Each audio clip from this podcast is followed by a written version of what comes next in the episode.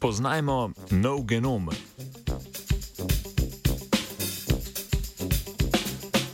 Raziskovalna skupina z Univerze v Marylandu v ZDA je s sekvenciranjem pridobila zapis genoma oziroma celotnega DNK zaporedja vrste Kalinectes sapidus, po slovensko sinje plavajoče rakovice.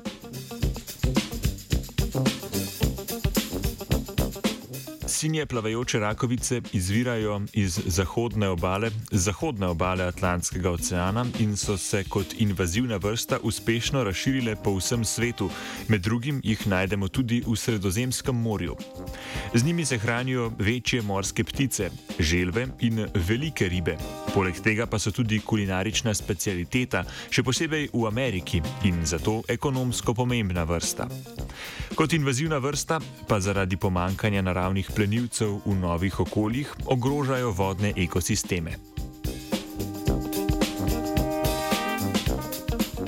Kljub zapletenemu življenjskemu ciklu lahko omenjene rakovice gojimo v umetnih sistemih in predstavljajo živalski model za študije rasti in razmnoževanja deseteronožcev. Sestavljanjem celotnega genoma so ugotovili, da ta vsebuje med 40 in 50 kratkih kromosomov, ki skupaj predstavljajo približno eno tretjino skupne dolžine človeškega genoma. Genom rakovice sestavlja 24 tisoč genov, kar pa je primerljivo s človekom.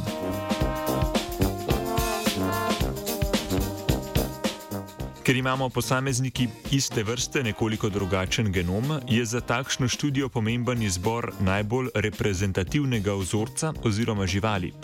Za določitev genoma so tako leta 2018 iz narave prinesli več mladih samic. DNK za določitev genoma so izolirali iz potomke ene izmed rakovic, ki se je uspešno namnožila v ujetništvu.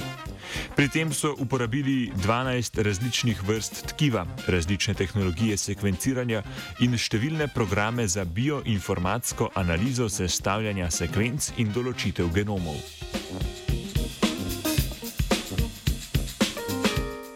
Genom bo prosto dostopen za vse, že zdaj pa načrtujejo študije, ki bodo usmerjene v razumevanje rasti in razmnoževanja rakovic.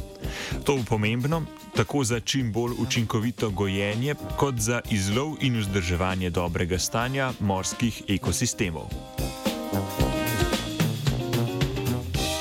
Z Britov je pripravila Katarina.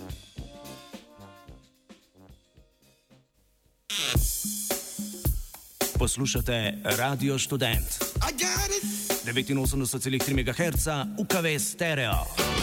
Hey!